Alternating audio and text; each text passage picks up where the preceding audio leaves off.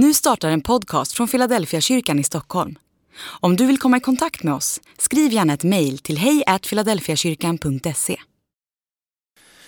Amen. Så kul att vara här. Tack så mycket för frågan eh, att få eh, predika. Philadelphia är inne i en serie om förvandlade liv, precis som Anton sa förut. Och om man är som jag, uppvuxen i kyrkan, så är det ganska lätt att man blir lite blasé över det här ordet förvandlade liv. Jag vet inte om du känner igen det, men, men man, kan, man läser i skriften att okej, okay, människor blev förvandlade. Det är tydligt att, att det finns en förvandlande kraft där. Och man, man gillar den tanken. Men man har varit med så pass länge att man lätt har blivit luttrad kring den här, det här ordet förvandlad liv. Så man tänker i sitt stilla sinne, ja, men det är, det är fint om man säger amen. Men man har blivit lite luttrad. Jag vill bara liksom acknowledgea den, den tanken om du sitter med den. Min längtan och min bön idag är att du, precis som jag när jag har förberett mig, ska få en längtan efter att bli förvandlad på ett nytt sätt av honom som gör allting nytt. För jag tror att det är en verklighet på riktigt. Frånvaron av Guds kraft och andens rörelse i våra liv och i våra församlingar. I jämförelse med det vi läser i evangelierna, jag tänker vi måste ändå bara våga säga det högt, det är en skillnad mot det vi läser och det vi ser idag. Låt oss inte nöja oss med att det är så, låt oss inte bara acceptera det, utan låt det krossa våra hjärtan. Så att vi hamnar i den här rörelsen närmare Jesus för att det är hos honom som förvandlingen sker. Jag nämnde att vi har en femåring och en tvååring. Femåringen heter Fred och när man är fem år, då är man ju, jag tror att alla femåringar är mer eller mindre citatmaskiner. Och det är också Fred. Vi var ute och gick för några veckor sedan när det var sådär iskallt. Så går vi förbi en lyktstolpe. Fred stannar upp och så tittar han på lyktstolpen, så tittar han på mig, så tittar han på lyktstolpen och så säger han så här, pappa, mm, säger jag. Jag känner mig inspirerad. På riktigt alltså. Jag känner mig inspirerad. Jaha, jag vill väldigt gärna slicka på, på den här lyktstolpen. Och jag ser liksom hur, hur liksom tungan rör sig i munnen och liksom förbereder sig för att liksom möta metallen. Har vi en bild på en lykt? Ni ser här. Alltså det här, liksom, det här krispiga känslan av någonting kallt som möter tungan. Så jag börjar då i, i liksom på liksom vanligt farsavis att så här gaffla om min uppväxt. Fred, när jag var barn, i, liksom i min barndom, då, då testade jag det här och så pratade jag så här en vecka. Eh, för det var ju då frukten av, av, av liksom det jag hade gjort. Och, och liksom drog någon sån där, men det är helt naturligt att vilja testa liksom när man är barn och sådär. Men, men, men, men inte idag liksom. Det, nej, även om du känner dig inspirerad liksom. Så vänder han sig mot mig igen när han har tittat på lyktstolpen och så säger han så här, men pappa, det här är ju min barndom. Det är ganska bra tycker jag, det, det blir lite meta. Så jag sa till honom, slicka du bara. Nej, det gjorde jag inte. Det hade varit dåligt föräldraskap. Nej, men vi gick därifrån. Um, jag ska återkomma till lyktstolpen om en liten stund. Att, att sakna konsekvenstänk, det hör barndomen och tonåren till. Jag har jobbat med tonåringar. Jag älskar tonåringar. Vi har mycket att lära av våra tonåringar, tror det eller ej. Men konsekvenstänk, det har de inte. Men det där hänger ju kvar om man ska vara helt ärlig. Vi gör ju hela tiden saker som vi inte tänker är bra egentligen. Till och med när vi vet att det inte är bra så gör vi det ändå. Alltså chips på en tisdag kväll till exempel. Det är ju liksom inte så farligt, men det är inte heller så bra och vi gör det ändå. Eller klättrar över staketet på Skansen till exempel. Det gör, nej. Men alltså, vi, vi, vi paus för skratt står det här nu. Nej men alltså, vi gör hela tiden saker som vi inte vill och som vi egentligen inte tycker är bra. Det är liksom bara så det är. Och vi har, vi har också stöd, jag tänker på, på Paulus, Nya Testamentets stora författare, han som har skrivit flest böcker i Nya Testamentet. Han säger i Romarbrevet, det goda jag vill göra förblir ogjort och det onda jag inte vill göra, det gör jag i alla fall. Nu, nu Bibelns översättning. Och idag skulle jag vilja ägna några minuter åt begreppen omvändelse och helgelse. Som en, som en del under det här paraplyt som vi kallar för förvandling. Guds förvandlande kraft i våra liv. Och I Nya Testamentet så, så avser begreppet omvändelse när, när det blir en djupgående förändring i mitt hjärta. Men också i mitt liv i liksom praktisk konsekvens. Där jag liksom börjar följa Gud och det som jag ser är hans vilja genom Jesus Kristus i Bibeln. Det är liksom när någonting händer på riktigt. Inte bara i teorin, inte bara i min tankevärld, utan också i hur jag lever mitt liv. Som ett långsamt formande. Det är det som kallas för helgelse. Ett ord som vi har glömt bort i, i vår rörelse. Förra veckan så predikade Anton om nåd. Och i den kristna förkunnelsen så är nåden och sanningen, det är två liksom centrala begrepp. Och i Johannes kapitel 1 så står det att Jesus var full av nåd och av sanning.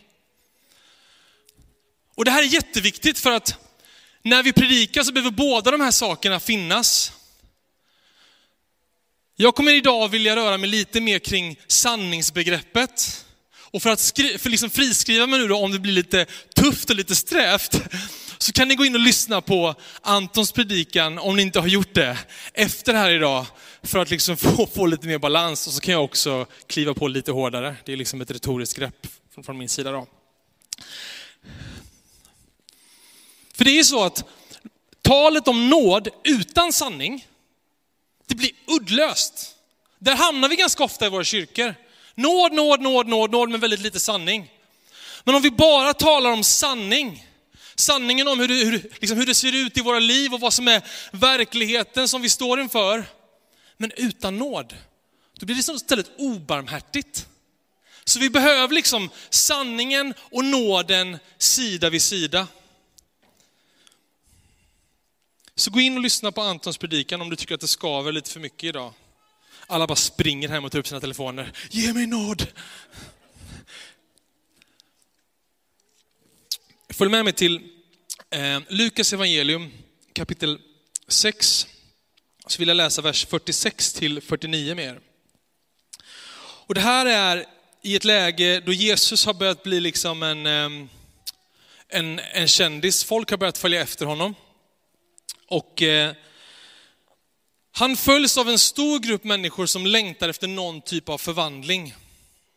De är trötta på att vara sjuka eller de är trötta på att vara olyckliga och längtar efter förvandling. Och Jesus håller ett långt tal kan man säga. Och nu ska jag läsa några väldigt kända verser som handlar om att bygga på stadig grund.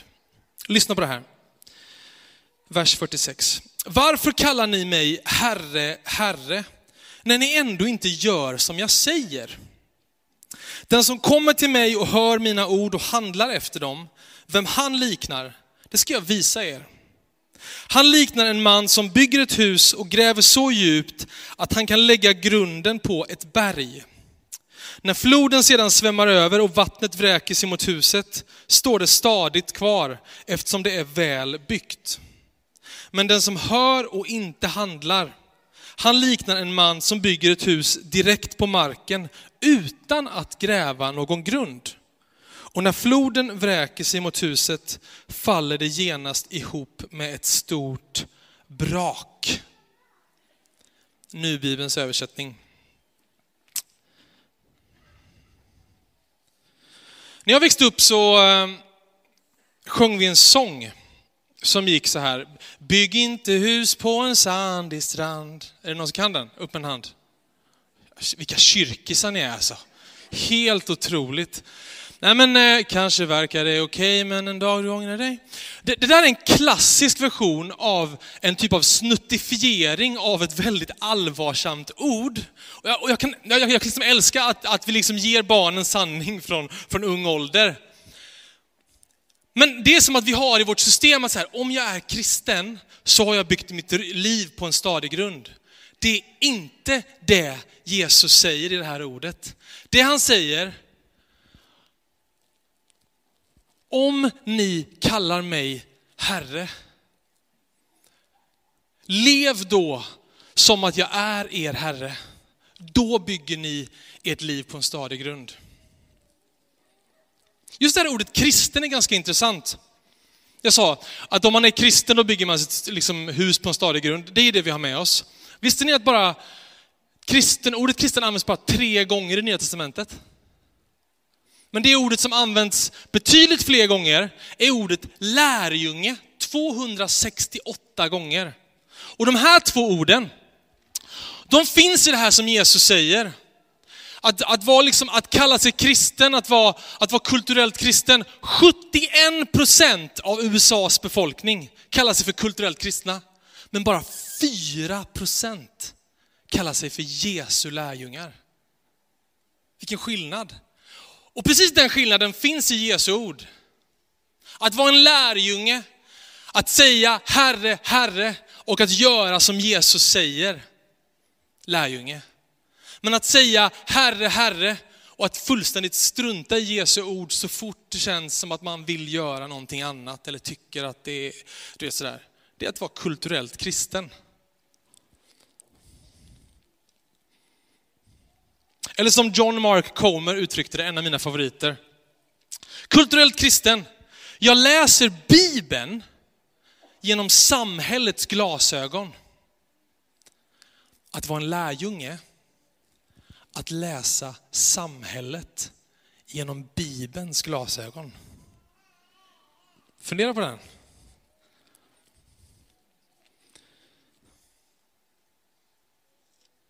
Nu kommer jag trycka på lite. Sitter ni ner? Ha. Om du är här idag och precis som jag säger att Jesus är din Herre, men att ditt sätt att leva, när det handlar om dina vanor, hur du hanterar din telefon, hur du talar, hur du hanterar din eh, liksom, pensionsålder, din sexualitet, hur du hanterar den, eller din ekonomi. Om det inte skiljer sig från hur din granne lever sitt liv som inte bekänner Jesus som sin Herre och Frälsare, så behöver du omvändelse i ditt liv. Om du vill uppleva den förvandlande kraften i evangeliet och i det Jesus säger. Om du tycker att det är stark saft nu, stark kyrksaft, så vill jag bara uppmuntra dig att läsa evangelierna en gång till. Matteus, Markus, Lukas och Johannes. Och sen kan vi ta en fika och så kan vi prata om det här. Det handlar inte om att vara en bättre människa än våran granne. Absolut inte. Idag är det många i rummet som är mina vänner. Och många här inne vet att min resa på inget sätt har varit spikrak. Jag har ett CV, men jag har också ett skugg-CV med all skit jag har gjort. Och flera av er här inne skulle kunna vara referens på, på det CVet. Jag talar inte utifrån en estrad, även om jag står på en estrad. Jag talar utifrån en förkrosselse, att även i mitt liv har jag gång på gång gått min egen väg, även när jag vet vad som är Guds vilja i mitt liv. Och det är så smärtsamt att se de saker jag har byggt upp på en ytlig grund i mitt eget liv. Och jag längtar efter förvandling i mitt eget hjärta. Och jag hoppas att den här längtan ska få smitta av sig idag. Inte för att jag är en känslomänniska som bölar, utan för att du någonstans känner att det finns ett skav i ditt inre. Där du inte vill nöja dig med hur det är just nu.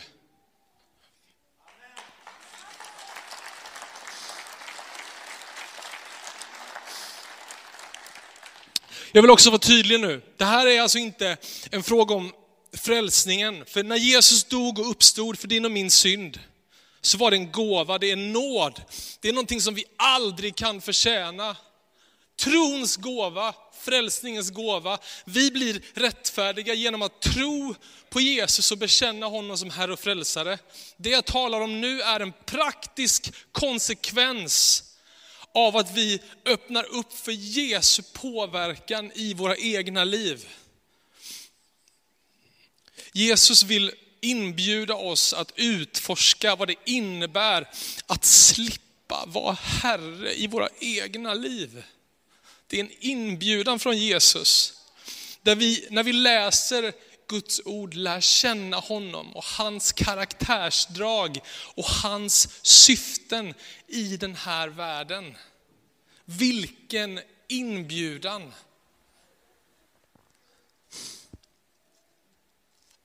Daglig omvändelse, det är själva grunden i att bli en medveten efterföljare till Jesus.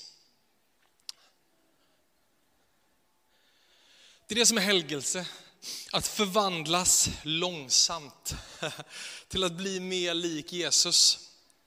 Det här är inte snabbmat, det här är lifetime.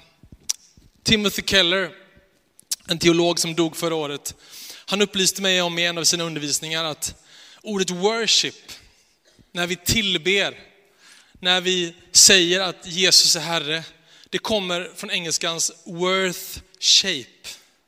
Alltså det vi sätter ett värde till, det formar vem vi är.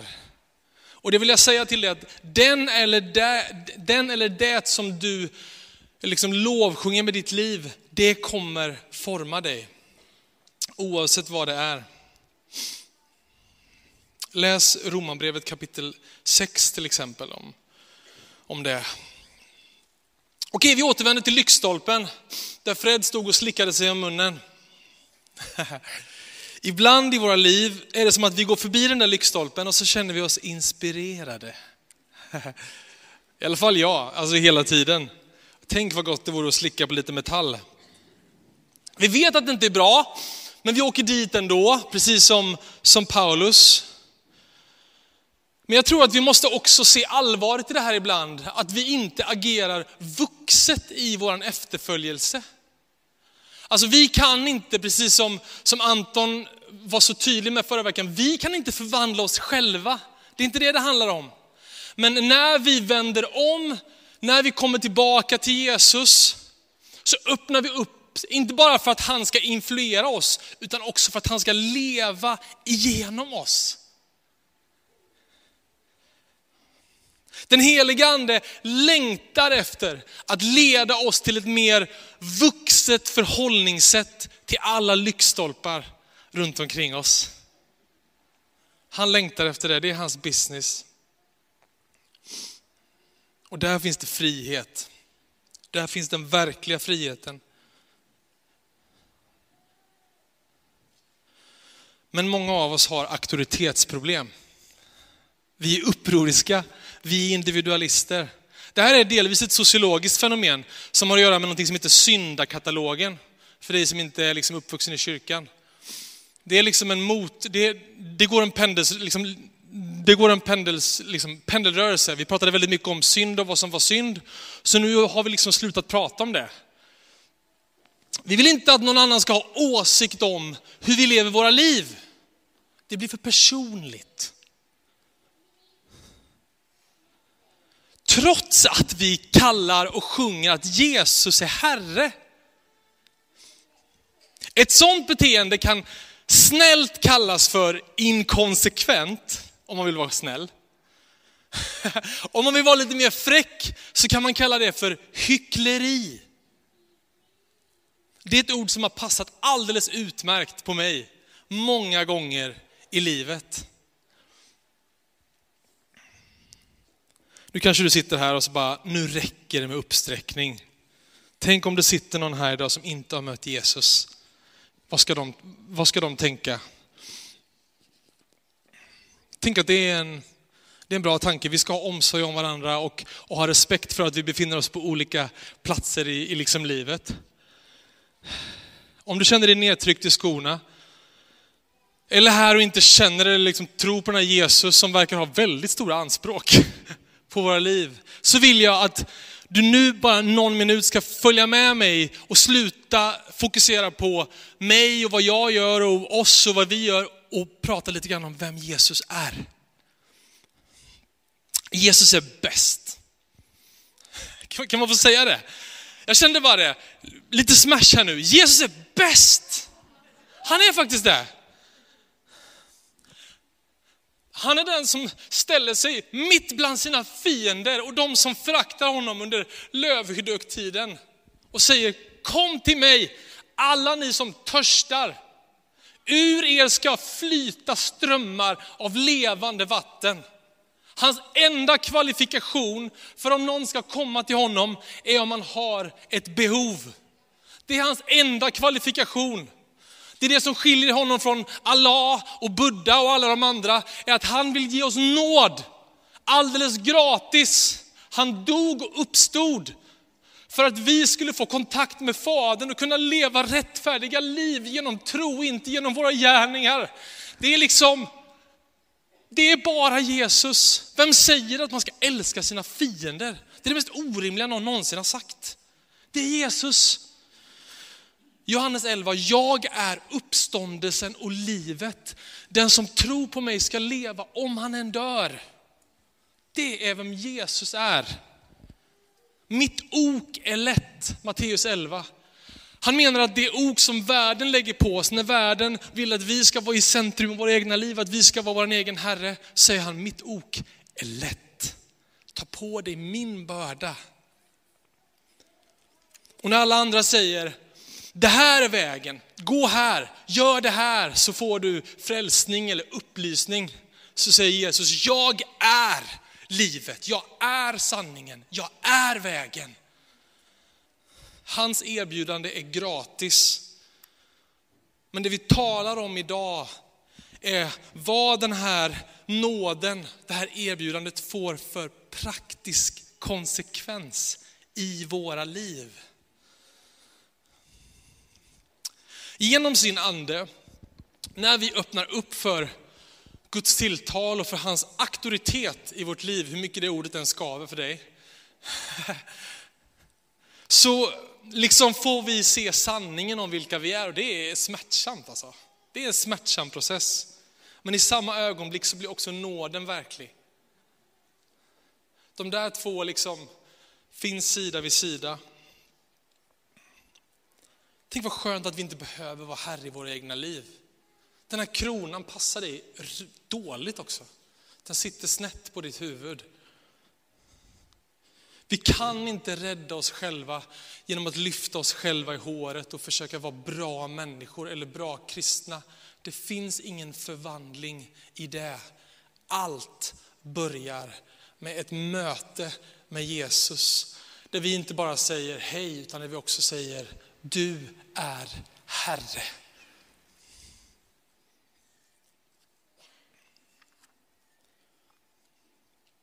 Och trots att vi säger att Jesus är Herre så faller vi om och om igen, det är ju ett faktum. Det där är ju sjukt frustrerande. Att vi hela tiden sätter vårt hopp till vår egen förträfflighet och till vår egen kompetens. Men du ska få med dig en liten tröst som också är en teologisk godbit. Vill ni ha det? Jag älskar de här retoriska frågorna. Det försätter er i en sån konstig situation. I första Mosebok, när vi förstår i den ganska märkliga texten skapelseberättelsen, när ormen förleder Eva, så är det så att ormen ber oss aldrig vara, liksom, att vi ska vara hans undersåtar. Det här är viktigt. Ormen säger inte till Eva, jag vill vara din Gud. Utan han förklär, lyssna nu, han förklär undergivelsen till honom under lagen om autonomi och självbestämmande. Skiftet i anknytning och lydnad, det går inte från Gud till djävulen, utan det går från Gud till mig själv.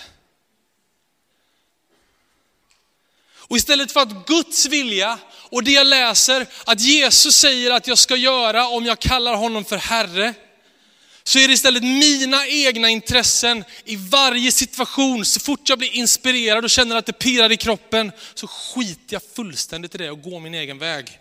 Där har du själva grundsynden. Så det är någonting vi kommer behöva kämpa med hela våra liv, så är det bara.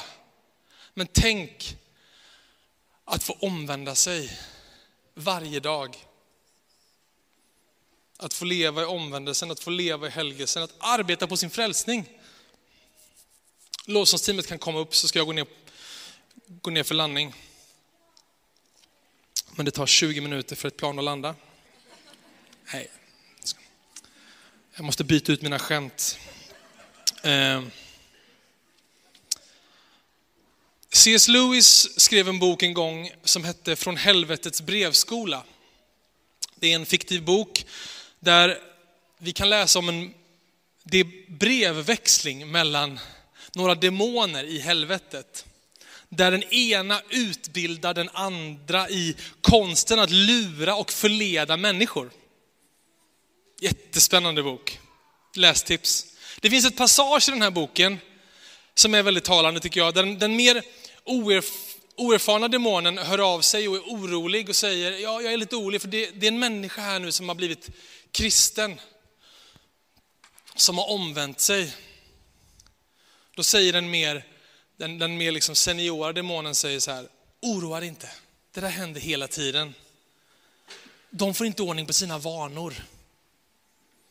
Vanorna gynnar våra syften.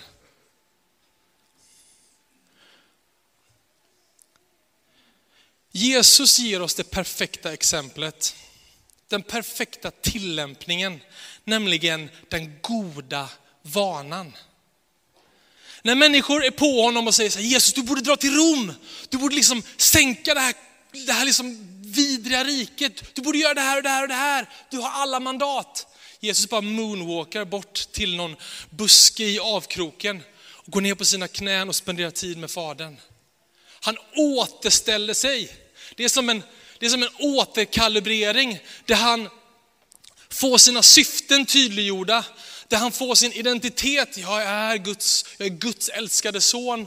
När han liksom, hans, hans uppgift, hans värde, allt det återställs. Även om Jesus inte behövde omvända sig så ger han oss ett perfekt exempel på den goda vanan att gång på gång på gång gå till källan. Och det är det som kommer skapa förutsättning för förvandling i ditt och mitt liv.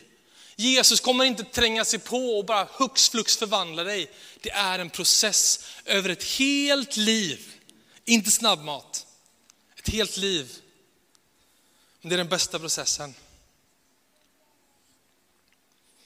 Nu ska jag sticka ut hakan lite innan vi ska få lyssna på en solosång. Den, den viktigaste samhällsfrågan nummer ett är inte budgetar, skolpolitik eller invandringsfrågor.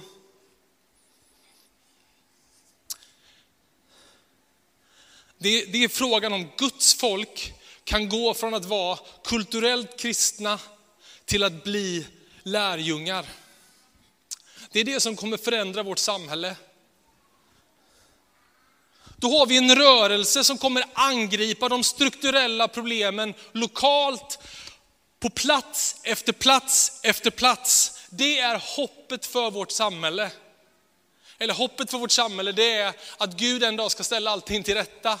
Men när Kristi kropp blir en rörelse med omvända människor som sätter Guds vilja före sin egen vilja och hanterar Jesus som en auktoritet i sina liv då sker det förändring, inte bara på mikronivå utan också makronivå.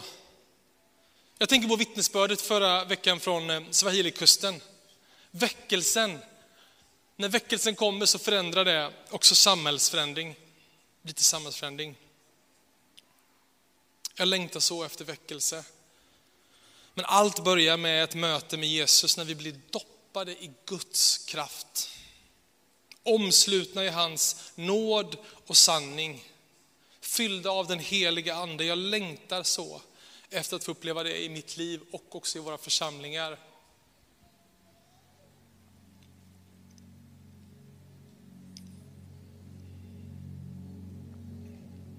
Jag hoppas att du, att du känner att det jag har sagt idag är, är, en, är en inbjudan. Du behöver inte vara herre i ditt eget liv. När vi ska be och lovsjunga om en stund, Anton ska göra en inbjudan, så vill jag bara att vi ska att du ska fundera och låta det skava lite grann i ditt eget liv. För du och jag behöver verkligen Guds kraft. Vi behöver få uppleva hur den helige ande blir någon som vi räknar med på riktigt i våra liv och i våra församlingar. Och vi börjar hantera Jesu ord som en auktoritet och inte ett förslag tills någonting mer inspirerande kommer framför våra ögon. Jag är klar så. Amen. Nu ska vi få lyssna på en solosång.